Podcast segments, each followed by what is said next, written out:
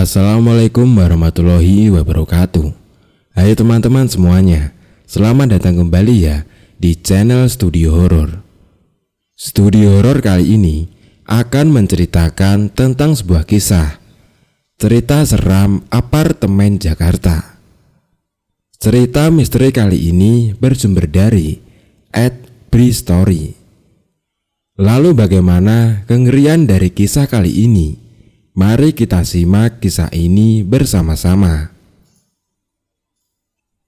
Jakarta banyak terselip kisah seram, entah itu di kantor atau tempat tinggal. Salah satu bentuk tempat tinggal adalah apartemen. Sama seperti tempat lain, banyak apartemen yang punya cerita seram.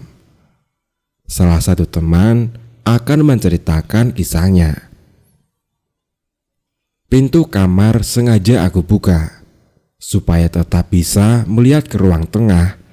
Jadi imajinasi nggak melayang ke mana-mana. Namun tetap saja susah untuk tidur.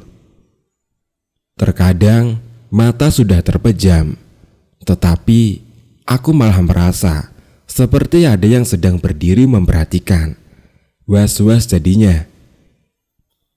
Awalnya aku pikir Mungkin itu hanya perasaan saja. Awalnya begitu. Sebegitu heningnya, suara sekecil apa pun jadi jelas terdengar, terutama langkah kaki orang di lorong depan. Ya, langkah kaki. Sering kali aku mendengar suara orang yang sedang melangkah di lorong pada saat tengah malam. Wajar? Ya, memang wajar karena kemungkinan besar itu adalah penghuni lain. Tetapi ada suara langkah yang sangat khas. Sampai-sampai aku hafal kalau langkah kaki itu sedang muncul terdengar.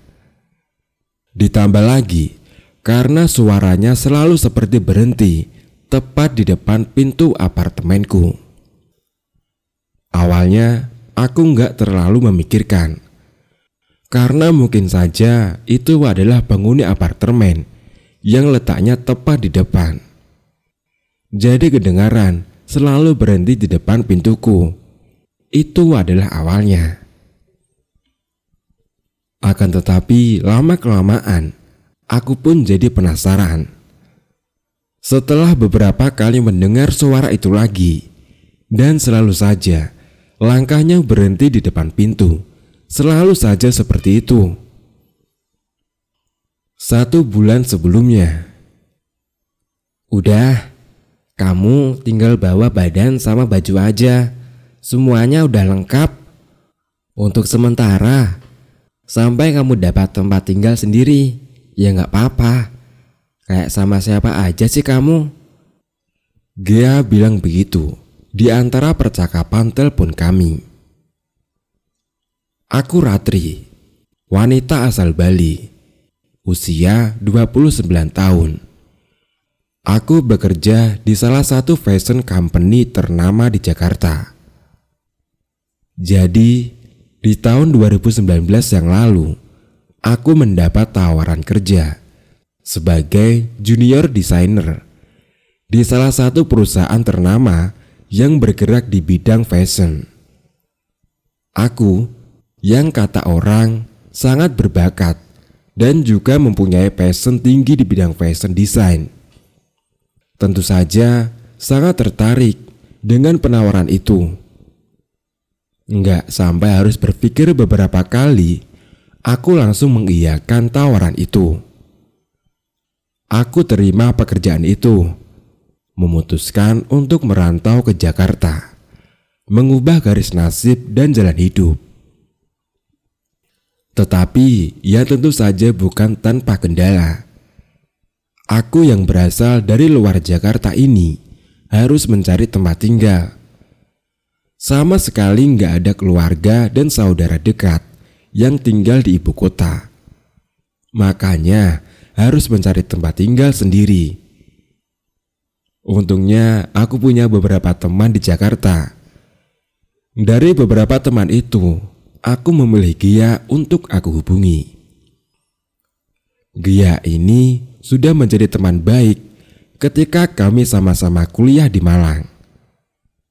Setelah lulus, kami lalu mudik ke daerah masing-masing. Aku ke Bali, sementara Gia kembali ke Jakarta. Gia sangat senang ketika aku memberitahu kalau diterima kerja di salah satu fashion design ternama.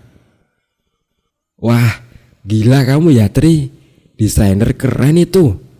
Congrats ya, seneng banget aku dengernya. Begitu Gia bilang dengan gaya khasnya. Nah, sampailah ke pokok bahasan. Niat awalku menghubungi Gia, yaitu tempat tinggal. Aku meminta rekomendasi darinya mengenai tempat kos atau apartemen yang gak terlalu mahal. Untuk aku tempati nantinya di Jakarta. Baik hatinya Gia, dia malah menyuruhku untuk tinggal di apartemen milik keluarganya. Dia bilang aku nggak perlu bayar sewa, cukup membayar biaya bulanan apartemen saja, seperti listrik, air, dan lain sebagainya. Ah, tapi aku nggak enak.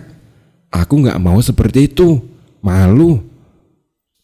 Udah, nggak apa-apa Ratri. Daripada apartemen itu kosong, mendingan diisi sama kamu kan? Udahlah, Ntar aku bilang ke bokap ya. Dia pasti setuju. Oh iya, kebetulan saat itu Gia nggak di Jakarta. Dia sedang melanjutkan kuliahnya di luar negeri. Oke oke, baiklah. Aku tinggal di apartemenmu deh. Tapi untuk sementara waktu aja ya.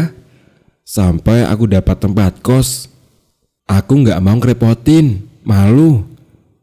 Aku pun bilang begitu. Ratri, gak sementara juga gak apa-apa kok. Kan bokap aku juga udah kenal sama kamu kan? Tenang aja. Ya sudah, percakapan telepon selesai. Ketika aku akhirnya setuju untuk tinggal di apartemen milik Kia. Niatku sih gak berubah, tinggal di situ untuk sementara sampai aku menemukan tempat tinggal sendiri, entah itu kos atau apartemen lain. Begitulah, di akhir pembicaraan, dia juga bilang, Nanti kalau sudah sampai di Jakarta, aku bisa menemui adiknya di rumahnya untuk mengantarkan aku ke apartemennya. Nah, singkat cerita, aku sudah sampai di Jakarta. Sebenarnya, sudah beberapa kali aku mengijakan kaki di ibu kota ini. Tetapi tetap saja masih buta dengan seluk-beluknya. Mungkin hanya sedikit tahu di pusat kota dan tempat-tempat tertentu saja. Selebihnya masih harus meraba. Begitu juga kali ini, pada suatu hari Minggu di awal 2019, aku sekali lagi ada di Jakarta Tiba di bandara jam 2 siang. Aku pun langsung menuju ke Bayoran Baru, di mana rumah keluarga Gia berada. Rencananya, dari rumah Gia aku akan diantar oleh Dio, adik Gia, untuk menuju apartemen di bilangan Kalibata, Jakarta Selatan. Katanya, kalau hari Minggu Jalanan Jakarta lebih lenggang dari hari biasanya. Wah, memang benar sih. Sepanjang jalan dari bandara, aku hanya sedikit melewati kepadatan kendaraan. Kata Pak supir taksi juga sama. Itu termasuk lenggang untuk ukuran Jakarta. Tapi ya tetap saja, aku yang terbiasa hidup di Bali, banyaknya kendaraan yang ada termasuk padat sekali buatku. Riuhnya tetap saja membuat sakit kepala. Singkat cerita, akhirnya aku sampai juga di rumah Gia. Keluarga Gia menurutku termasuk keluarga kaya raya. Sejak kuliah dulu juga, Gia sudah kelihatan kalau datang dari keluarga kaya. Rumah yang di Kebayoran ini pun sungguh sangat besar, bertingkat dengan halaman luas. Mobil berbaris memenuhi garasi. Beberapa di antaranya terbilang kendaraan mewah. Eh, Mbak Ratri, apa kabar? Dia menyambutku dengan ramah ketika muncul dari dalam rumah. Selanjutnya kami berbincang sebentar. Dio ini nggak terlalu jauh umurnya denganku.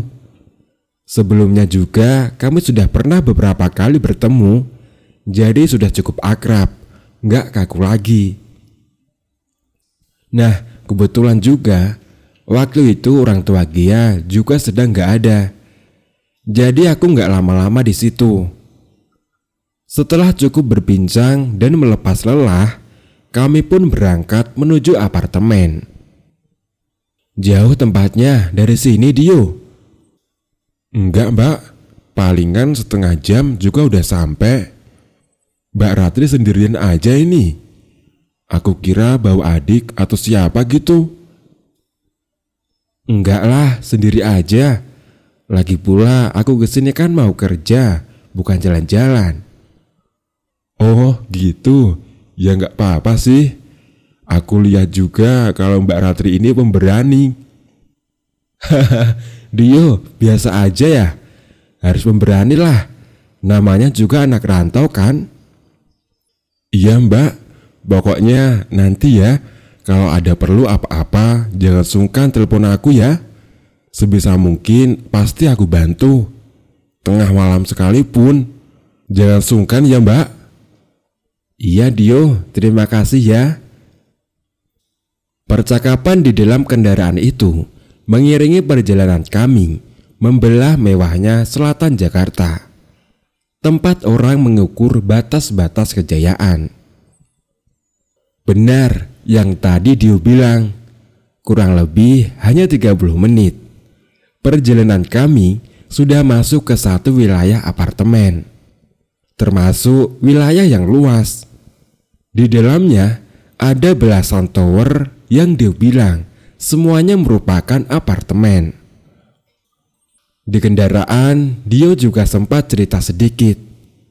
Apartemen ini sebenarnya dibeli oleh ayahnya dengan niatan untuk membantu salah satu temannya yang sedang terlilit utang. Dibeli sekitar tahun 2017. Tetapi sejak itu, mereka belum pernah menempatinya. Hanya sesekali saja. Itu pun bisa dihitung dengan jari. Selebihnya, ia dibiarkan kosong atau digunakan kalau ada keluarga dari luar kota yang datang berkunjung. Tetapi, Dio lagi-lagi menegaskan kalau apartemen ini lebih banyak kosongnya. Kemudian, dia memarkirkan kendaraannya di dekat salah satu tower yang jaraknya nggak terlalu jauh dari pintu masuk. Sebelumnya, aku sudah mencari info mengenai apartemen ini di internet. Cuma ingin tahu bentukannya, lingkungannya, dan suasananya. Sebenarnya banyak info negatif mengenai kompleks apartemen ini, tetapi nggak sedikit pula info positifnya. Begitu juga ketika aku sudah sampai di sini, yang aku lihat malah nggak sejelek apa yang aku baca di internet. Lingkungannya bersih dan bagus. Menurutku cukup nyaman. Oh, kalau yang gitu-gitu mungkin di tower lain, Mbak. Aku kurang tahu soalnya. Tapi kalau di tower ini sih aman kok. Asik tempatnya. Hehehe. Begitu jawab Dio ketika aku tanya tentang banyaknya berita jelek tentang kompleks apartemen ini. Aku jadi lega mendengarnya. Dan benar, setelah turun kendaraan, kemudian berjalan kaki menuju apartemen, aku merasa sama sekali nggak ada yang nggak nyaman. Semua sewajarnya, lingkungan apartemen. Orang-orang lalu lalang dengan kesibukannya masing-masing. Nggak peduli dengan yang lainnya. Tipikal kehidupan di Jakarta. Masih jam 4. Minggu sore ini masih terang dengan sinar matahari yang masih menerangi. Di lantai 9, Mbak. Ketika kami sudah di dalam lift, dia bilang begitu. Kemudian, nggak lama pintu lift terbuka di lantai 9. Lalu kami keluar dan berjalan ke arah kiri. Nah, dari lift ini, jarak ke unitnya nggak jauh. Karena letaknya hampir di paling ujung. Di dalam perjalanan, kami nggak melihat ada penghuni lain. Sepi. Ini tempatnya mbak. Sambil tersenyum, dia bilang begitu. Tangannya kemudian membuka kunci pintu.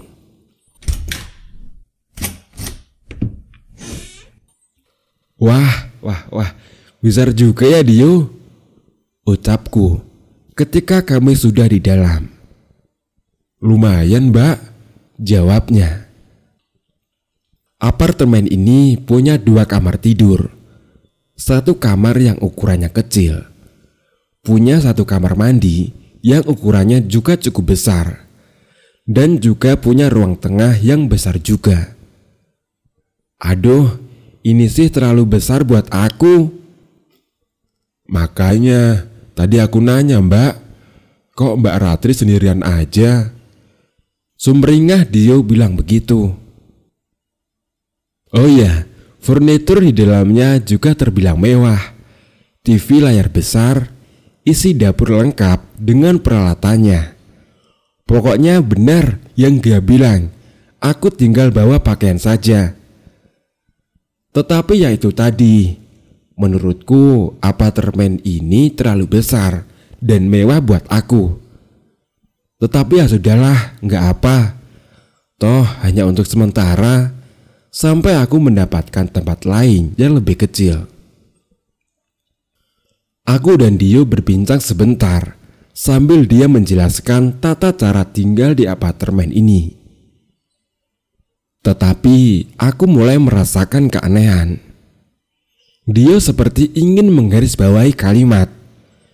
Jangan sungkan ya mbak untuk telepon aku kalau ada apa-apa ya mbak. Beberapa kali dia ngomong begitu, entah kenapa. Iya Dio, aku telepon kamu kalau ada urgent ya. Jawabku selalu. Sampai akhirnya, sekitar jam 5, Dio pamit pulang. Aku hanya mengantarkannya sampai di depan pintu. Kalau ada apa-apa, telepon aku ya mbak. Jangan sungkan. Sekali lagi, Dio bilang begitu sebelum pergi. Iya Dio, terima kasih banyak ya. Salam buat papa mama. Setelah itu Dio pamit pulang. Tinggallah aku sendiri di apartemen besar ini. Jam 9 malam. Sambil ditemani minuman dingin, aku memandang keluar jendela menikmati pemandangan. Walau letak apartemen gak terlalu tinggi, tetapi masih cukup indah city light yang kelihatan. Sebelumnya gak memakan waktu lama buatku untuk unpack dan merapihkan barang bawaan. Karena yang aku bawa juga gak terlalu banyak. Jadinya bisa langsung istirahat menikmati suasana apartemen ini. Tetapi sekitar jam 10 aku baru ingat kalau ada beberapa barang keperluan yang harus aku beli. Makanya berniat untuk turun saat itu. Karena tadi aku lihat juga ada minimarket di dekat parkiran. Ya, hampir jam 10 malam aku turun saat itu. Sesampainya di bawah, aku bersyukur kalau ternyata minimarketnya masih buka. Lantas, aku buru-buru masuk dan mencari barang perlengkapan yang aku butuhkan. Gak lama, ketika sudah selesai, aku langsung keluar minimarket. Tapi, alih-alih langsung kembali ke atas, aku malah memilih untuk duduk terlebih dahulu di salah satu kursi di dekat pintu masuk. Di dekat pintu masuk itu ada semacam teman kecil. Nah, aku duduk di situ. Ingin sejenak menikmati udara luar di Jakarta. Melihat-lihat orang lalu lalang. Kurang kerjaan memang. Tetapi nggak lama, setelah sudah habis segelas kopi dan beberapa batang rokok, akhirnya aku memutuskan untuk masuk, naik ke atas. Sudah hampir jam sebelasan. Sudah sedikit orang yang kelihatan di lobi dan sekitarnya. Mungkin karena sudah penghujung minggu juga ya. Nyari sendirian, aku melangkah menuju lobi. Ketika sudah sampai di depan lift pun, aku tetap sendirian. Pintu lift terbuka. Aku lalu melangkah masuk. Nggak terlalu memperhatikan sekitar karena aku sambil terus melihat layar ponsel di genggaman. Sedang terlibat percakapan seru, pesan pendek dengan Gia. Nah, ketika aku hendak menekan tombol di angka 9 itu, ternyata tombolnya sudah menyala. Wah, berarti sudah ada yang menekan sebelumnya ya. Melihat itu, aku langsung kembali memperhatikan layar ponsel kembali ke posisi semula. Tapi baru beberapa detik kemudian aku terkejut. Ketika mengetahui kalau ternyata ada orang lain di dalam lift, aku nggak sendirian. Dia berdiri di sudut kiri belakang. Aku baru sadar akan hal itu ketika sejak mengalihkan pandangan dari ponsel, lalu melihat ke pintu. Dari pantulan pintu lift inilah, aku bisa melihat ada laki-laki di belakangku. Refleks, aku lalu menoleh ke belakang, memandang wajahnya, lalu tersenyum menyapa. Laki-laki berumur sekitar 40 tahun. Perawakannya tinggi kurus, berpakaian santai dengan celana jeans dan kaos warna gelap. Dia membalas tersenyum. Beberapa balas detik kemudian, pintu terbuka di lantai sembilan. Aku lalu keluar, melangkah ke arah kiri. Di dalam lift, beberapa saat sebelumnya, aku melihat kalau tombol yang menyala hanya tombol nomor sembilan. Seharusnya lelaki tadi juga ikut keluar. Tetapi aku nggak mau terlalu memperhatikan lebih memilih untuk terus melangkah. Nah, saat itu aku sama sekali nggak mendengar ada suara langkah di belakang. Tentu saja aku penasaran. Lalu akhirnya aku menoleh. Ternyata kosong, nggak ada siapa-siapa. Lelaki tadi sepertinya masih di dalam lift. Wah, tapi aku nggak bisa memastikan karena posisi berdiri sudah nggak bisa lagi memandang langsung ke dalam lift. Ya sudah, aku kemudian melanjutkan langkahku. Tetap, lagi-lagi aku sama sekali nggak mendengar ada suara orang melangkah di belakang. Hanya suara langkah kaki saja yang kedengaran di lorong. Beberapa belas detik kemudian, aku sampai juga di depan pintu. Lagi-lagi aku terkejut. Ketika sedang berusaha membuka pintu, dari ujung mata aku, aku melihat seperti ada orang yang sedang berjalan di ujung lorong. Sontak, aku langsung menoleh. Benar, ada orang. Ternyata itu adalah lelaki yang tadi, laki-laki yang satu lift denganku. Setelah jarak kami sudah dekat, lagi-lagi aku tersenyum menyapa. Walau masih agak sedikit kaget, dia lantas membalas senyumanku. Setelahnya, aku langsung masuk ke apartemen. Di sisa malam itu, aku tidur kurang nyenyak. Mungkin karena tempat baru, bukan tempat yang biasa aku tinggal. Jadinya malah lebih banyak berkutat dengan ketidaknyamanan. Atau mungkin karena ada alasan lain. Nah singkat cerita, sudah seminggu lebih aku tinggal di Jakarta. Dalam beberapa hal, sudah mulai terbiasa dengan liuk polanya. Walau di beberapa hal lain, aku masih keteteran dan harus terus berusaha mengerti dan memahami. Dalam hal pekerjaan, aku sangat menikmati semuanya. Lingkungan baru yang asik, great company, rekan kerja yang sangat menyenangkan. Pokoknya aku senang. Sama sekali belum menemukan hal yang enggak menyenangkan. Aku happy. Tapi masih ada yang mengganjal. Ini tentang apartemen tempat tinggalku. Ada beberapa keganjilan yang aku rasakan. Semuanya terjadi sejak awal aku tinggal di sini. Seperti yang aku bilang tadi, mungkin saja karena tempat ini adalah tempat baru, butuh waktu agak lama untuk adaptasi. Mungkin saja begitu. Semoga hanya itu alasannya. Tapi yang aku rasakan agak aneh. Sering kali aku merasa seperti aku nggak sendirian di apartemen ini. Agak serem kan? Tetapi begitu adanya. Nyaris setiap malam aku sangat susah tidur. Sesekali terlelap, selalu nggak nyenyak. Kalau mata terpejam, sering merasa kalau seperti sedang ada yang berdiri memperhatikan. Seperti itu. Makanya aku takut untuk memejamkan mataku. Lampu ruang tengah selalu aku biarkan menyala terang, siang ataupun malam. Pada malam hari, ketika sudah di tempat tidur, pintu kamar selalu aku biarkan terbuka.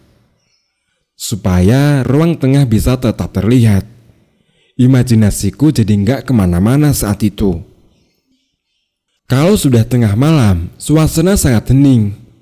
Jadinya, suara sekecil apa pun jadi jelas terdengar. Terutama langkah kaki orang berjalan di lorong depan. Ya, langkah kaki. Beberapa kali aku mendengar suara orang sedang melangkah di lorong pada saat tengah malam. Wajar? Mungkin iya. Karena kemungkinan besar itu adalah penghuni apartemen yang lain. Tetapi ada suara langkah kaki yang sangat khas. Sampai-sampai aku hafal kalau langkah kaki ini sedang muncul terdengar. Ditambah juga karena langkahnya selalu seperti berhenti tepat di depan pintu apartemenku. Tapi awalnya aku nggak terlalu memikirkan karena mungkin saja itu adalah penghuni apartemen yang letaknya tepat persis di depan. Jadi kedengaran selalu berhenti di depan pintu. Itu awalnya. Tetapi lama-kelamaan aku menjadi penasaran. Setelah beberapa kali aku mendengar suara itu lagi, dan selalu saja langkahnya berhenti tepat di depan pintu. Selasa malam, Seharian ini aku diajar dengan kegiatan yang sangat melelahkan. Hari yang cukup menantang. Tapi syukurlah akhirnya bisa terlewati. Ditemani segelas minuman dingin, sampai hampir jam 11, aku masih duduk menonton TV di ruang tengah.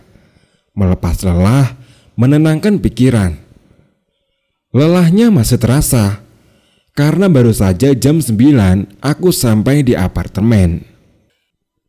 Seperti biasa, aku sendirian, sepi, ditemani kekosongan ruangan.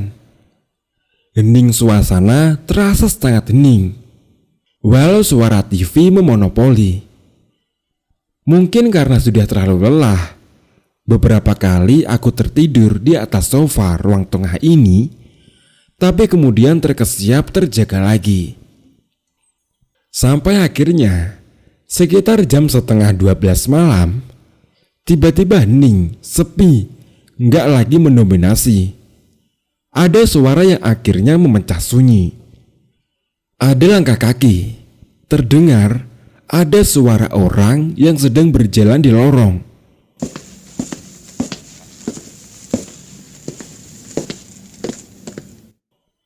Suara langkah kaki yang sudah beberapa kali aku dengar sebelumnya. Bunyinya khas. Iramanya sudah aku hafal.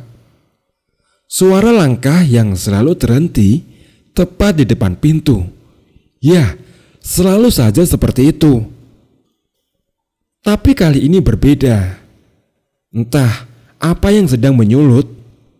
Aku malah langsung bangun dari dudukku, lalu melangkah menuju pintu. Ingin tahu saja siapakah yang sedang melangkah itu. Aku penasaran. Dan benar, Kali ini pun sama. Langkahnya berhenti tepat di depan pintu. Ya sudahlah, selang beberapa detik kemudian, aku langsung membuka pintu.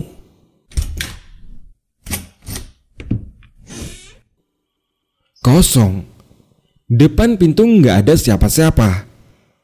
Celingak-celinguk, aku melihat ke arah lorong. Sama, sama sekali nggak ada orang. Nggak ada pintu apartemen lain yang terbuka juga. Siapa sih tadi yang jalan itu? Aku bergumam sendiri. Namun tiba-tiba aku merasakan ada hembusan angin menerpa wajah dan tubuhku.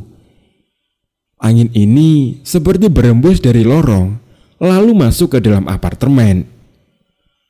Saat itu, tiba-tiba aku merinding. Tentu saja, Aku lalu langsung menutup pintu. Di dalam apartemen, aku merasa ada yang aneh. Hawanya saat itu beda banget. Ah, ya sudahlah. Aku langsung mematikan TV lalu masuk kamar. Namun tetap, pintu aku biarkan terbuka. Di dalam kamar, aku merebahkan diri di tempat tidur memaksakan diri melakukan hal yang sepertinya mustahil untuk dilakukan saat itu, yaitu tertidur. Ya mana mungkin aku bisa tidur. Sejak beberapa menit yang lalu, perasaanku sudah nggak enak. Apartemen ini hawanya semakin aneh. Beberapa kali aku memaksa mata untuk terpejam, tetapi nggak bisa. Karena selalu merasa seperti ada yang sedang memperhatikan kalau mata tertutup. Sampai akhirnya entah di percobaan keberapa, aku hampir sukses terlelap. Tapi tetap merasakan ada keanehan. Namun kali ini sangat berbeda. Ada yang beda. Saat itu ada yang beda pokoknya. Antara sadar dan gak sadar. Dalam keadaan mata terpejam. Aku merasa seperti ada yang sedang memperhatikan. Aku merasakan seperti itu. Sontak, perasaan semakin gak enak. Rasa takut dan cemas menyeruak cepat memenuhi pikiran. Mataku saat itu masih terpejam. Aku belum berani membukanya. Sampai ketika aku merasa kalau ada yang menghalangi cahaya lampu ruang tengah untuk masuk ke dalam kamar. Aku merasa seperti itu. Curiga, penasaran. Akhirnya aku memberanikan diri untuk membuka mata pelan-pelan. Nggak ada pilihan lain saat itu. Iya, yang aku rasakan nggak salah. Ternyata memang ada yang menghalangi cahaya lampu ruang tengah. Ada sosok yang sedang berdiri di pintu kamar. Dia berdiri tepat di pintu Diam memperhatikan aku yang tengah berbaring. Aku seperti mati, tubuh nggak bisa digerakkan, lemah, lunglai dan ketakutan. Siapa dia? Aku juga nggak tahu. Karena wajahnya gelap, tertutup cahaya dari belakang. Tetapi beberapa belas detik kemudian, aku pelan-pelan tersadar. Kalau sosok ini tampilan fisiknya mirip dengan laki-laki yang pernah aku temui di dalam lift ketika baru saja datang tempo hari. Ya, aku yakin itu dia. Terus saja dia seperti itu. Dia berdiri di pintu. Dia memperhatikan, sementara aku tetap terkunci ketakutan. Hingga akhirnya sosok lelaki itu bergerak juga. Dia melangkah pelan menuju ruang tengah. Sungguh pemandangan yang mengerikan. Untayan kalimat doa aku baca dalam hati untuk menenangkan diriku. Setelah sosok itu hilang dari pandanganku, setelah sosok itu hilang dari pandanganku, aku lalu perlahan mulai berdiri, meraih ponsel. Aku berniat untuk lari keluar apartemen saat itu juga. Langkahku sangat pelan, sebisa mungkin gak menghasilkan suara ketika menuju pintu kamar. Sesampainya aku di pintu kamar, di titik ini, aku bisa melihat isi ruangan tengah dengan jelas. Beberapa detik aku terpaku ketika aku melihat ada pemandangan yang mengerikan. Sosok yang tadi itu ternyata sedang duduk di sofa, duduk menghadap aku. Ruang tengah yang terang benderang membuatku bisa lebih jelas melihat semuanya. Lelaki ini sungguh sangat menyeramkan. Wajahnya pucat, dengan lingkar gelap di sekitar matanya. Yang paling menyeramkan, bajunya basah dengan cairan berwarna gelap. Dan setelah aku perhatikan lebih seksama, ternyata cairan gelap itu adalah darah. Darah yang mengalir dari lehernya. Ya, di lehernya ada luka menganga, mengeluarkan darah segar. Beberapa detik kemudian, lelaki itu tersenyum dengan ekspresi datar. Entah ada tenaga dari mana. Tiba-tiba aku bisa lari menuju pintu, lalu aku pergi keluar. Di lobi bawah, aku lalu sejenak mengatur nafas. Aku menenangkan diri. Saat itu, Aku baru ingat dengan omongan Dio. Kalau dia bersedia aku telepon kalau ada apa-apa, kapan pun itu. Makanya saat itu aku langsung menelponnya. Dan gak lama kemudian, sekitar satu jam kemudian, Dio akhirnya datang juga. Singkatnya, kemudian aku ceritakan semua kejadian seram yang baru saja aku alami. Dan setelah malam itu, aku nggak pernah bermalam di apartemen itu lagi. Aku nggak berani. Sekian cerita kali ini. Tetap jaga kesehatan, jaga hati dan perasaan, supaya bisa terus merinding bareng. Begitulah kisah cerita seram apartemen Jakarta. Terima kasih ya teman-teman semuanya sudah mendengarkan podcast Studio Road ini hingga selesai. Wassalamualaikum warahmatullahi wabarakatuh.